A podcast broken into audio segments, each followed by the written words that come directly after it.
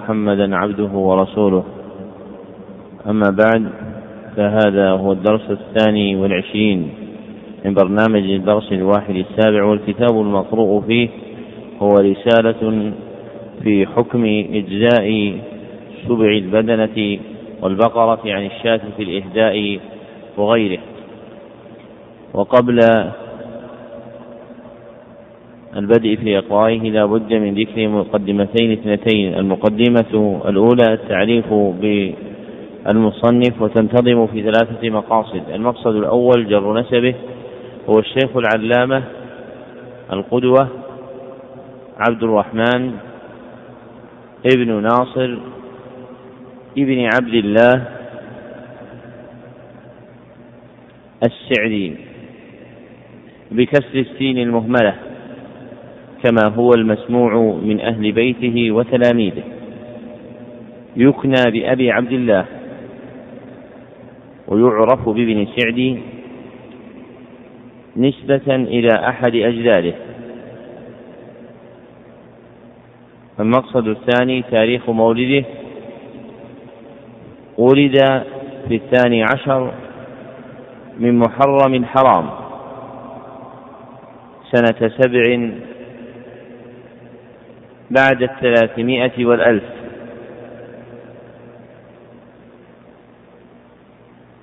المقصد الثالث تاريخ وفاته. توفي رحمه الله قبل طلوع فجر يوم الخميس.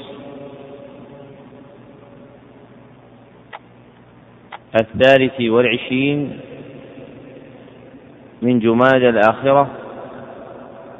سنة ست وسبعين بعد الثلاثمائة والألف. وله من العمر تسع وستون سنة.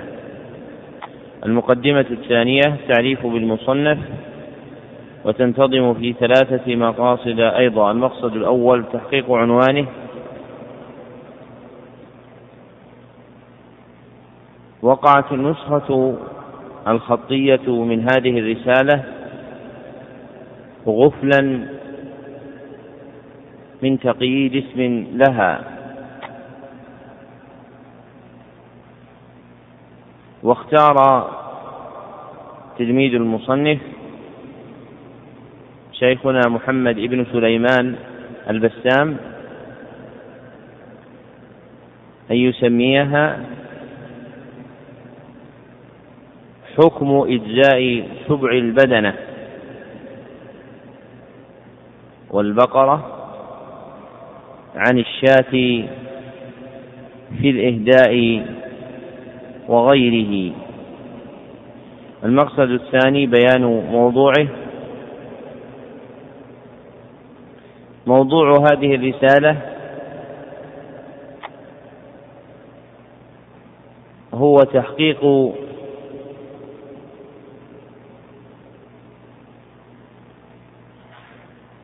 كون سبع البدنة والبقرة.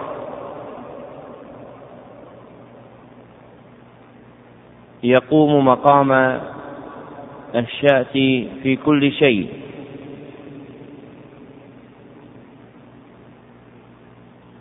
من الإجزاء والإهداء.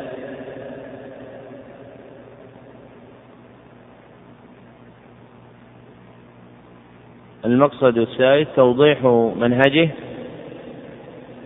أصل هذه الرسالة هو فتيا حول سؤال شاع يتعلق بالموضوع المذكور. فقيد المصنف رحمه الله تعالى هذه الرسالة وذكر فيها كلام الحنابلة في أربعة مواضع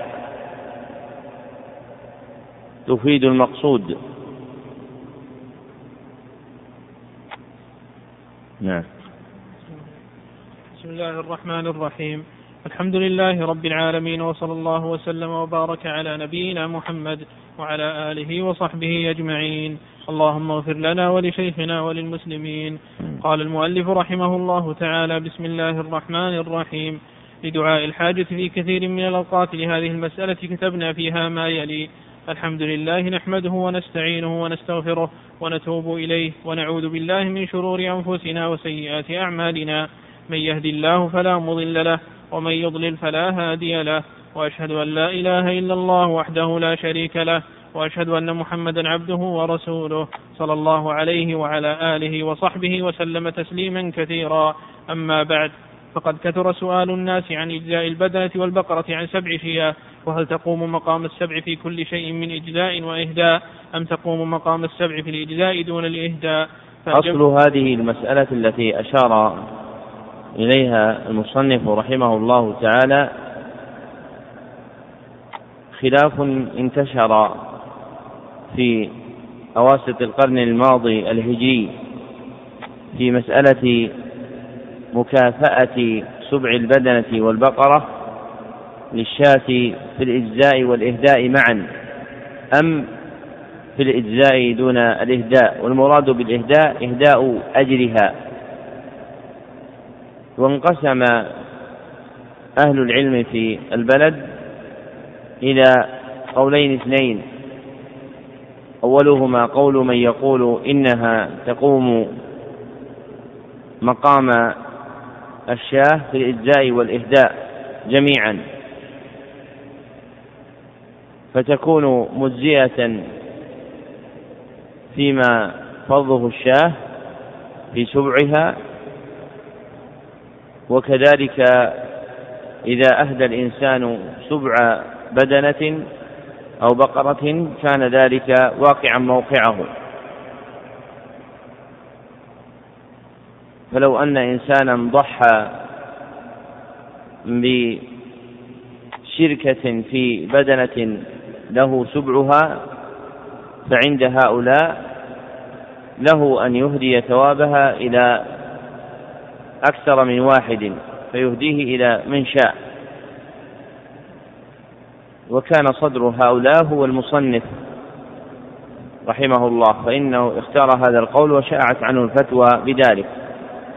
والثاني قول من يقول إنها تقوم إن السبع يقوم مقام الشاة في الإجزاء فقط دون الإهداء.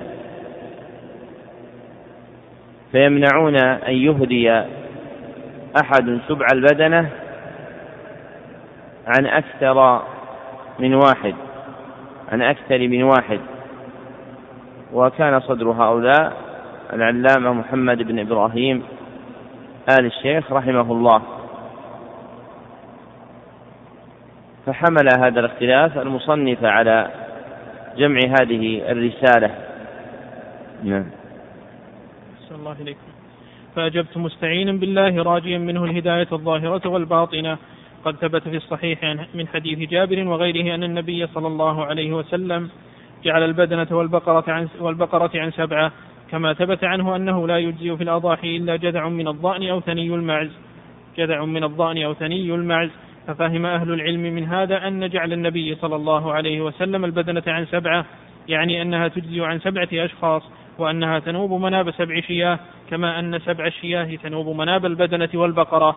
ولم يزل هذا هو الموجود في أذهان أهل العلم ولم يذكروا إلا خلافا لإسحاق بن راهويه وغيره بأن البدنة تجزي عن عشر شياه. ومقتضى هذا أن كل سبع منها قائم مقام الشاة في الإجزاء والإهداء. فكما تجزي الشاة عن واحد فيجزي سبع البدنة عن واحد وكما يجوز إهداء الشاة في الثواب لأكثر من واحد فكذلك سبع البدنة وكما أن المفهوم من كلام الشارع فهو الذي تقتضيه المعاني الشرعية. والحكمة, والحكمة التي جعل الشارع البدنة عن سبعة لكثرة ثمنها وكبر جسمها وكثرة لحمها ونفعها وهذه الحكمة تسبق إلى أذهان إلى ذهن كل من سمع كلام النبي صلى الله عليه وسلم لا يشك فيه ولا يمتري. وأهل العلم ما زالوا على هذا المفهوم من كلام الشارع. ولذلك لما ذكر المجد في المنتقى حديث جابر وحديث ابن عباس وغيرهما في ذلك ترجم عليه فقال باب إجزاء البدنة والبقرة عن سبع شياه وكذلك غيره. وأيضا فإجزاء البدنة والبقرة عن سبع عن سبع إنما إنما معناه أنها سبع أضاحي كما جعلها النبي صلى الله عليه وسلم. ليس معناه أن كل واحدة من أضاحيها لا يجوز إهداؤها لأكثر من واحد. فهذه مسألة وتلك مسألة أخرى فإن الأخيرة هي مسألة إهداء القرب وقد ثبت في الأحاديث الصحيحة المتكاثرة جواز إهداء القرب وقد قررها ابن القيم في كتاب الروح وذكر أدلة كثيرة جدا على جواز إهداء القرب ووصول ثوابها للأحياء والأموات وهو مذهب الإمام أحمد الذي لا يختلف مذهب الذي لا يختلف مذهبه فيه. والمقصود أنه يجب التفريق بين المسألتين وأنه وأن لا يجعل عدم إجزاء البدنة عن غير سبع أضاحي منقولا إلى تلك المسألة ويسد باب فضل الله وكرمه من غير مانع ولا دليل. وأيضا صاحب, صاحب هذا القول يتناقض فإنه يجوز إهداء الشاة الواحدة لأكثر من سبعة ولا يجوز إهداء جملة البدنة لأكثر من سبعة. ومع, ومع تناقض هذا القائل فليس عنده حديث صحيح ولا حسن ولا ضعيف ولا ضعيف في ذلك ولا قول واحد من الصحابة بل ولا قول واحد من أصحاب الإمام أحمد. وإنما نصوصهم على خلاف ذلك كما سنذكرها إن شاء الله تعالى. وقد قال ابن أبي عمر في الشرح الكبير ولا بأس أن يذبح الرجل عن أهل بيته شاة واحدة أو بدنة أو بقرة يضحي بها نص عليه أحمد وبه قال مالك والليث والأوزاعي وإسحاق إلى آخر كلامه. فصرح أن البدنة والبقرة قابلة لإهدائها لأكثر من, لأكثر من سبعة كالشاه والشيخ عبد الله بن عبد الرحمن أبو بطين على سعة اطلاعه على كلام الأصحاب. لما سئل عن إهداء سبع, سبع البدنة أو سبع البقرة لأكثر من واحد أجاب بأنه لم ير فيها ما يدل على المنع ولا على الجواز. وإن كان بعض الذين أدركنا يفعلون ذلك هذا نص فتواه فلو كان عنده من كلام أحد من الأصحاب ما يدل على المنع لذكره. ولو فهم ما فهمه بعض المتأخرين من قول الأصحاب. وتجزئ البدنة والبقرة عن سبعة أنه سبعة أنه سبعة أشخاص حتى في إهداء أجرها لذكر ذلك. فدل على أن الإفتاء بالمنع من جواز إهداء سبع البدنة حادث لم يعرفه الشيخ رحمه الله. ذكر المصنف رحمه الله تعالى في هذه الجملة قاعدة الشريعة في إنزال سبع البقرة والبدنة منزلة الواحدة من الشياه.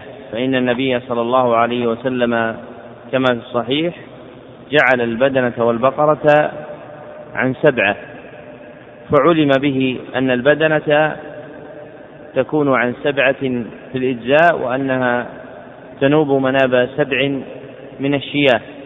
كما أن السبع من الشياه تنوب مناب البدنة والبقرة. وعلى هذا استقر قول أهل العلم رحمهم الله تعالى. واقتضى ذلك أن يكون سبع البدنة والبقرة قائما مقام الشاة في كل ما أريد إقامته فيه. فإذا كانت الشاة تذبح لتجزي أو تذبح لتهدى فبحسب ما فيها من قصد يكون كذلك هذا القصد مضطردا في سبع البدنة. فإذا ذبح مضح الشاة عن نفسه وأهل بيته وأهدى ثوابها إلى أكثر من واحد اقتضى اضطراد القاعدة أن يكون سبع البدنة منزلا منزلتها فيكون سبع البدنة أيضا مما يهدى إلى أكثر من واحد خلافا لمن رأى منعه. وقد نقل المصنف رحمه الله تعالى ما يدل على صراحة ذلك من الشرح الكبير لابن أبي عمر في قوله رحمه الله ولا بأس أن يذبح الرجل عن أهل بيته شاة واحدة أو بدنة أو بقرة يضحي بها. فصرح أن البدنة والبقرة قابلة لإهدائها لأكثر من سبعة كالشاة لأنه لم يقيد القصد في إهداء سبع البدنة والبقرة بأن يكون عن واحد فقط. بل جعل حكم الشاة الواحدة كحكم سبع البدنة والبقرة دون تفريق. ثم نقل المصنف رحمه الله تعالى ما يدل على صحة هذا الفهم عن مفتي الديار النجدية العلامة عبد الله بن عبد الرحمن أبو بطين. فإنه سئل عن هذه المسألة فذكر أنه ليس في كلام الأصحاب ما يدل على المنع ولا على الجواز. ونقل أن بعض الذين أدركهم من أهل نجد كانوا يفعلون ذلك فيهدون السبع عن أكثر من واحد. فلو كان عنده من كلام أحد من الأصحاب ما يدل على المنع لذكره. ولو أنه فهم ما لهم من ألفاظ على ما فهمه المانعون في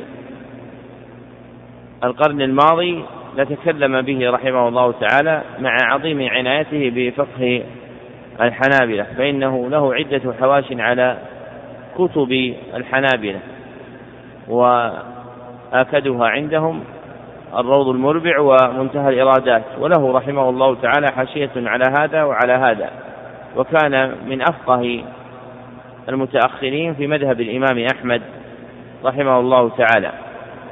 نعم. الله إليكم وقد حرصت على البحث في هذه المسألة وراجعت ما تيسر لي مراجعته من كتب الأصحاب فلم أرى أحدا منهم صرح بالمنع. بلا ولا هو بل ولا هو الظاهر من عبارته بل الذي رأيته في من كلامهم في عدة مواضع التصريح بهذه المسألة وأنها هي المذهب قولا واحدا. وهاك نقل كلامهم الدال على ما ذكرته ليتضح لك ويتبين لك الصواب. قال في المنتهى وشرحه والإقناع وشرحه وما قبلها وما بعدها من كتب الأصحاب في آخر جزاء الصيد. وتجزئ البدنة والبقرة عن سبع شياه كعكسه كما تجزئ سبع الشياه عن البدنة والبقرة. فانظر رحمك الله هذه فانظر رحمك الله هذه العبارة وأنها تدل دلالة لا تقبل الاشتباه.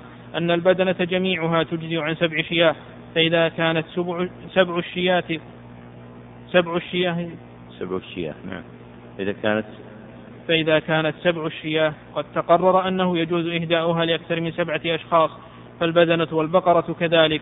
وكما أن هذه العبارات تدل على جملة البدنة والبقرة فإنها تدل على سبعهما من باب أولى وأحرى وأن سبع كل منهما قائم مقام الشاة في كل شيء. ومن ذلك إذا أهدى الشاة لأكثر إذا أهدى الشاة لأكثر من واحد فإنها تجزئ فكذا سبع البدنة. ولو كان لا يجزي لاستثنوه من هذا العموم. كما قالوا مريد كما قالوا مريدين التعميم ولو في جزاء الصيد. إشارة لما في جزاء الصيد من الخلاف. بل قد ورد في حديث بهذا بل قد ورد حديث بهذا اللفظ ترجم عليه في المنتقى فقال باب إن البدنة والبقرة عن سبع شياه, شياه وبالعكس. عن ابن عباس رضي الله عنهما أن النبي صلى الله عليه وسلم أتاه رجل فقال إن علي بدنة وأنا موسر لها ولا أجدها فأشتريها.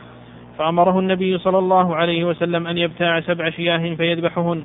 رواه أحمد وابن ماجه. ثم ذكر على هذه الترجمة حديث جابر أن النبي صلى الله عليه وسلم أمرنا أن نشترك في الإبل والبقرة كل سبعة منا في بدنة متفق عليه وفي رواية في الحج والعمرة والمقصود أن كلامه في هذا الموضع في المختصرات والمطولات متفق على متفق على هذا المعنى وأن البدنة تجزئ عن سبع شياه في كل حال فمن فمن ادعى استثناء شيء فعليه الدليل وأن له ذلك. بعد أن بين المصنف رحمه الله تعالى دلالة الشرع على ذلك واستقرار العمل به شرع ينقل عن كتب الحنابلة رحمهم الله تعالى ما يدل على ذلك من عباراتهم وابتدأ بالموضع الأول الذي يذكرونه في آخر جزاء الصيد فهم يقولون وتجزئ البدنة والبقرة عن سبع شياه كعكسه كما تجزئ سبع الشياه عن البدنة والبقرة. وهذا يدل على أنهم أنزلوا سبع البقرة والبدنة منزلة الشاة. ولو كان عندهم تقييد في التفريق بين اضطراد هذا في هذا لنبهوا إلى ذلك وقيدوه. فبقي في هذا الموضع على عمومه وأن السبع من البقرة والبدنة يقع موقع الشاة من كل وجه. وأورد المصنف رحمه الله تعالى ما يدل على هذا المعنى من سنة النبي صلى الله عليه وسلم منقولا من كتاب المنتقى في الأحكام للمجد بن تيمية رحمه الله تعالى وذكر تحت ترجمته باب إن باب أن البدنة والبقرة عن سبع شياه وبالعكس. أورد حديثين اثنين أولهما رواه أحمد بن ماجه وإسناده ضعيف والثاني مخرج في الصحيحين وهو دال على المقصود كما بوب المصنف عن المجد بن تيمية من إجزاء سبع البدنة والبقرة عن الشاة. لقوله إن البدنة باب أن البدنة والبقرة عن سبع شياه وبالعكس أي وأن سبع شياه تقع كذلك عن البدنة والبقرة كاملتين. نعم. الله الموضع الثاني قالوا في كتبهم المختصرة والمطولة الإقناع والمنتهى والمقنع وشروحها ومختصراتها وتوابعها في آخر الجنائز وأي قربة فعلها المسلم وأهداها أو بعضها كنصفها أو ثلثها. أو ربعها لمسلم حي أو ميت نفعه ذلك ومثلوا بالصلاة والصيام والصدقة والحج والأضحية. فمنهم من صرح بالأضحية في هذا المقام كصاحب الإقناع ومنهم من عمم الحكم بجميع القرب. وهذا نص صريح منهم أن من أهدى أضحية سواء كانت من الغنم أو من الإبل أو من البقر أو أهدى بعضها كالنصف والثلث والربع. وأقل من ذلك أنه يصل إلى المهدى إليه وينتفع به. فلو قال في حياته هذه أضحية عني وعن والدي وذبحها من الغنم أو من البدن فحكمها, فحكمها واحد. وكذلك لو أهداها بعد وفاته وجعل في وصيته أضحية له ولوالديه أو غيرهما جاز ذلك. وصل إليه إليهم الثواب. ومن قال إن أضحية الشاة تصل إليهم وأضحية البدنة وهي السبع منها أو من البقرة لا يصل فقد أتى بشيء من عنده وخالف نص الأصحاب كما خالف دليل السنة. كما خالف دليل السنة لغير مستند شرعي إلا أن يدعي أن الأضحية في هذا المقام لا تطلق إلا على الشاة وأما سبع البدنة وسبع البقرة فلا يسمى أضحية وهذا مخالف للنص والإجماع. وهذا يبين لك أن مرادهم بقولهم في باب الأضحية والهدي وتجزي البدنة والبقرة عن سبعة أنها تكون سبع أضاحي. ليس مرادهم أن, أن سبع البدنة والبقرة في باب الإهداء والإحسان لا يهدى لأكثر من واحد لأنه لو كان هذا مرادهم لتناقض كلامهم. ولكنه ولله الحمد متفق على المراد في, في الموضعين. ففي باب الأضاحي والهدي يقال إن البدنة والبقرة عن سبعة وسبع, وسبع أضاحي لا أكثر. كما دل عليه النص وفي باب الإهداء يجوز إهداء سبعه سبعها لأكثر من واحد كما كما تهدى الشاة لأكثر من واحد. مع أنها أضحية واحدة لا تجزي إلا عن عن أضحية واحدة. فالواجب الفرق بين البابين وأن لا يخلط أحدهما بالآخر فيختلط الأمر على صاحبه. يوضح هذا أنه لو أهدى صلاة واحدة أو صيام أو صيام يوم واحد أو صدقة بدرهم واحد أو ثوب واحد ونحو ونحوه لأكثر من واحد لوصل إليه فما بال الأضحية لا تصل إلا إذا كانت من الغنم. فمن نظر إلى كلامهم في هذا الموضع جزم بلا امتراء أن الطريق واحد واحد في الأضاحي كلها سواء.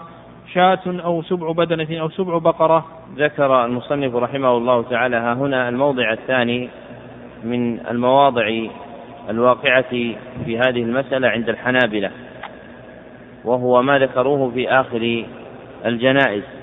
وفيه قولهم وأي قربة فعلها المسلم وأهداها أو بعضها كنصفها أو ثلثها أو ربعها. يعني أهدى قدرا من هذه القربة لمسلم حي أو ميت نفعه ذلك. ومثلوا بالصلاة والصيام والصدقة والحج والأضحية وصرح صاحب الإقناع بالأضحية. فإذا أراد إنسان مثلا أن يكون له سبع من بدنة يشركه فيه غيره ولما استتم هذا السبع له صار من حقه أن يهدي بعضه كنصفه أو ثلثه أو ربعه. فلو أن سبعة اشتركوا في بدنة فصار حظ كل واحد منهم هو السبع منها. فأراد أحد, فأراد أحد المسبعين الذي ثبت سبعه أن يهدي ثلثا أو نصفا أو أكثر من ذلك لغيره فإن مذهب الحنابلة ينص على جواز ذلك. وإذا أشرك أكثر من واحد في هذه في هذا القدر صح ذلك. فلو أنه أراد أن يجعل هذا السبع أربعة أرباع أحدها عن نفسه وثلاثة عن غيره فإن نص المذهب أنه يجوز أن يهدي النصف أو الثلث أو الربع فهو أهدى ربعا من سبعه إلى أبيه وربعا من سبعه إلى أمه وربعا من سبعه إلى أخيه وجعل ربع سبع الثواب المتبقي له. فهذا نص في أن السبع يمكن أن يقع في الإهداء عن أكثر من واحد. نعم. الموضع الثالث في قولهم في الكتب المختصرة والمطولة في الدماء الواجبة والدم الواجب شاة أو جدع شاة أو جدع ضأن أو ثني معز أو سبع بدنة أو سبع بقرة. فهذا أيضا نص صريح أن من وجب عليه دم سواء كان لواحد كنفسه وأبيه مثلا. كنفسه أو أبيه. عشان يصير واحد كنفسه أو أبيه. كنفسه أو أبيه مثلا أو لعدد كوصية واجبة فيها أضحية واحدة لعدة أشخاص أنه يجزئ فيها أحد الأمور الثلاثة وهذا واضح ولله الحمد. ذكر المصنف رحمه الله تعالى هذا الموضع الثالث عندهم في الحج وهو في ذكر الدماء الواجبة. فهم يذكرون أن الدم الواجب على العبد إما شاة أو جذع ضأن أو ثني معز أو سبع بدنة أو سبع بقرة والدم الواجب شاة جدع ضأن هذه أو زائدة. شاة جدع ضأن أو ثني معز أو سبع بدنة أو سبع بقرة. فصرحوا بأن السبع ينزل منزلة الشاة في الدم الواجب فمن وجب عليه دم لنفسه أو لأبيه فأخرجه سبعا من بدنه صح ذلك عندهم. وكذلك إذا كان لعدد كوصية واجبة فيها أضحية واحدة لعدة أشخاص فذلك يجوز عندهم. فإن الأضحية الوصية الواجبة تجعل الأضحية واجبة في حق صاحبها الذي أوصي بها. فلو أن أحدا أوصى بأن يضحى عنه شاة ويدخل في الإهداء والداه وأخ له صح عندهم. وإذا كان هذا الإيصاء نزل في سبع بدنة عوضا عن الشاة بقي على ثبوت الوصية في أن السبع يكون عن من أوصي لهم من أبيه وأمه وأخيه. نعم. الموضع الرابع كلامهم في الوقف والوصايا فإنهم صرحوا بوجوب اتباع لفظ الموصي. فإذا قال الموصي في وصيته يخرج منها أضحية لوالدي ووالديهم مثلا نظرنا عند تنفيذ هذه الوصية ما يسمى أضحية شرعية فنجده واحدا من ثلاثة أشياء شاة أو سبع بدنة أو سبع بقرة فإذا نفذنا هذه الوصية بحسب إطلاق الشارع وبحسب العرف الجاري وهو أن كل منه منها أضحية كما كنا منفذين لهذه الوصية وخرجنا من التبعة. وأما أن نقول إن, إن, إن نفذناها بشاة خرجنا من التبعة وإن نفذناها بسبع بدنة أو بقرة لم نخرج من التبعة فهو تحكم بلا دليل, بلا دليل. والمقصود أنه لا يوجد حديث صحيح ولا ضعيف ولا قول صاحب من الصحابة ولا قول أحد من الأصحاب ولا دليل يجب المصير إليه يمنع من وصول سبع البدنة أو البقرة لأكثر من واحد. ويصل إذا كان من الشاة بل الأدلة المذكورة على خلاف ذلك كما ذكرناها وليس إفتاء, إفتاء بعض المتأخرين استنادا على العبارة التي ذكرناها وأجبنا عنها يوجب إهدار شيء مما تقدم لكن حسب المفتي بذلك أن يكون معذورا. حيث ظن أن هذا هو الشرع. والله لا يضيع أجر أجر من أحسن عملا واجتهد في إصابة الصواب. وأما أن قوله يجعل رادا لما ذكرنا من الأدلة فحاشا وكلا وليس عذره عذرا لمن وقف على أدلة المسألة وظهرت له مآخذها. فالواجب على العبد أن يتبع الدليل, الدليل حيث كان ومع من كان كما عليه أن يحترم أهل العلم والدين بحسب مقاماتهم في الدين. فنسأل الله تعالى أن يوفقنا وجميع إخواننا المسلمين إنه رؤوف رحيم. صلى الله على محمد وسلم. قال ذلك وكتبه الفقير. إلى الله تعالى عبد الرحمن بن ناصر بن عبد الله السعدي سنة تسع وخمسين وثلاثمائة وألف. ختم المصنف رحمه الله تعالى بذكر الموضع الرابع وهو كلامهم في الوقف والوصية بأن من أوصى فقال يخرج لي أضحية لوالدي ووالديهم ولم يعين هذه الأضحية هل هي شاة أو سبع من بقرة أو بدنة فأراد القيم على الوقف أو إنفاذ الوصية أن يخرجها فهو مخير في إخراجها بين شاة أو سبع بدنة أو سبع بقرة لأن هذا كله يقع عليه اسم الأضحية فإذا أخرجها شاة صح وإذا أخرجها سبع بدنة صح وإذا أخرجها سبع بقرة صح لأن الشرع جاء بهذا. فإذا صححنا وقوعها أضحية لزم أن نصحح اندراج أكثر من واحد في ما أوصى به.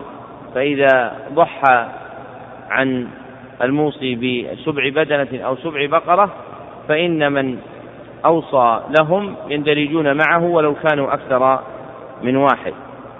ولا ريب أن هذه النصوص المنقولة في المذهب تدل على أن المذهب لا يقصر سبع البدنة أو البقرة على الإجزاء فقط بحيث يقع مناب الشاة الواحدة بل هو عندهم مطلق فيكون قائما مقام الشاة في الإجزاء والإهداء وهذا الذي نصره المصنف هو الأقرب إلى الصحة إذ لا يوجد حديث صحيح ولا ضعيف ولا قول أحد من الصحابة يوجب المصير إلى المنع من وصول سبع البدنة أو البقرة لأكثر من واحد وأن ذلك يختص فقط بالشاة وأن الشاة تقع في الإهداء عن أكثر من واحد وأما سبع البدنة فلا يقع إلا عن واحد والصحيح التسوية بينهما. فكما تجزئ الشاة مقابل سبع بدنة وبقرة فكذلك يكون حكمهما واحد. فالشاة تجزي وتهدى عن أكثر من واحد وكذلك سبع البدنة يجزي عن واحد وفي الإهداء فإنه يدخل فيه أكثر من واحد ولا دليل على أنه في الإهداء يختص بواحد فقط بل إذا أهدى الإنسان سبعا من بقرة أو بدنة ثم أدخل فيه عشرة على عبارات المذهب وإطلاقات الشرع فإن ذلك صحيح ولا يوجد ما يمنع منه. ثم أشار رحمه الله تعالى إلى الأدب الذي ينبغي في مثل هذه المسائل بالإرشاد إلى أن إفتاء أحد لا يمنع أن يخالف قوله إذا ظهرت الأدلة وذلك المفتي أفتى بحسب ما ظهر له وله عذره ولكن غيره يجب عليه أن يتبع الدليل وأن يفحص كلام الفقهاء لينظر في القول المختار. كما أن عليه أن يلازم تعظيم العلماء وتوقيرهم وعدم الوقيعة فيهم. فإذا اختار مفت مسألة وقابله مفت آخر في الاختيار كان لازما على المخالف أن يتأدب بأدب الشرع في مسائل الدين. فإن المتكلمين من العلماء إنما يريدون إصابة الحق وإذا غلط أحدهم في شيء منه لم يوجب ذلك إهراق كرامته والاعتداء في العبارة عليه تصريحا أو كناية. إلا أن هذا الأدب قد يدخل على النفوس لما طبعت عليه النفس من طلب الانتصار. فتجد أن كثيرا من المتكلمين في كل عصر في مسائل الدين يوسعون العبارة في الرد على المخالف وربما ذكروا ما لا تعلق له بالمسألة وطريقة أهل السنة في هذا الباب. الاقتصار على المراد دون تطويل القول لما لا تعلق له بالمسألة حتى في ردهم على أهل البدع. كما ذكر الباجي رحمه الله تعالى في التعديل والتجريح أن الرد على أهل البدع المقصود به كف مقالاتهم والتحذير منها فلا يجوز ذكر عيب لا تعلق له ببدعته. ومراده رحمه الله تعالى عدم الخروج عن مقصود الشرع في إبطال البدعة فلا يتعرض لطوله أو عرضه أو غير ذلك مما لا صلة له بمقالته بل يكون الرد متعلقا بالمقالة فقط. ومن لزم الأدب مع العباد فاز في يوم المعاد. ومن لم يتأدب فإنه يشقى كما قال ابن القيم رحمه الله تعالى في كتاب المدارج. عنوان قال الأدب عنوان سعادة المرء وفلاحه. وقلة الأدب عنوان بوار المرء وخساره. والله أعلم وصلى الله وسلم على عبده ورسوله محمد وآله وصحبه أجمعين.